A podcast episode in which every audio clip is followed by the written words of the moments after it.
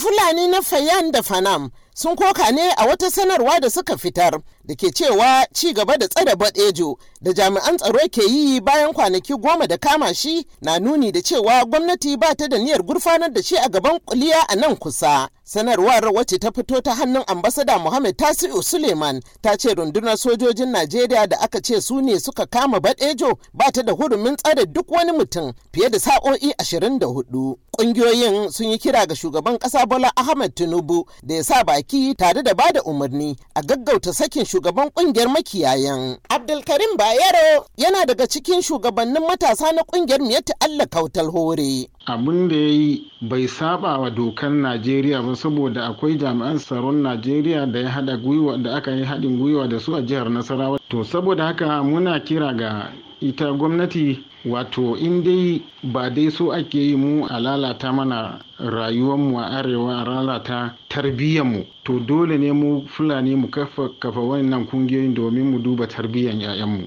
Shi kuwa shugaban ƙungiyar Macban wato Fulani Cattle Breeders Alhaji Usman Genzarma ya yi nazari cewa doka ta tanadi kowace ƙungiya ta faɗi manufofin da ya sa ake son a yi wannan ƙungiya da kuma sauran ka'idodi na shugabanci da dai sauransu wanda tsari na doka ya tanada. Abin duk abin da ya shafi sha'anin tsaro abu ne wanda yake da sarkakiya wanda dole ko da ka samu izinin gwamna dole sai gwamnatin tarayya kuma ta ba da dama don abu ne wanda ya shafe ta kai tsaye. Shi yasa ma kike ganin yanzu yawanci gwamnoni suna musamman kudu suna ta kiran cewa a yi community police kamar 'yan sanda wanda jihohi ko ƙananan hukumomi za su kirkiro su su zama suna ba da tsaro. Duk da yake wannan ma dai bata samu karbuwa har yanzu daga majalisa da ita gwamnatin tarayya ba. Amma ga kwararre a fannin tsaro da zamantakewan dan adam, Dr. Yahuza Ahmed Getso yana ganin akwai abin dubawa a matakan da Badejo ya ɗauka wajen ƙirƙirar ƙungiyar sa kai da ya yi. Abu na farko ya kamata ya tuntuɓi sauran ƙungiyoyin Fulani waɗanda suke da mabambantan manufofi da mabambantan tunani da kuma mabambantan ra'ayoyi da fahimta waɗanda suke a sassan jihar Nasarawar kanta. Abu na biyu ya kamata a ce to wani haɗaka ne aka samu tsakanin ƙungiyoyin sa kai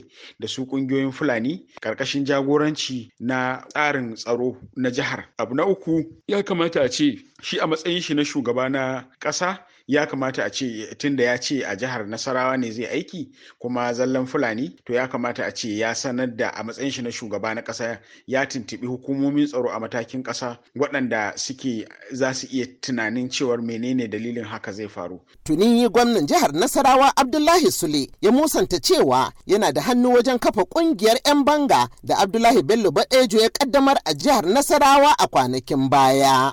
Madina dauda muryar Amurka daga Abuja, Najeriya.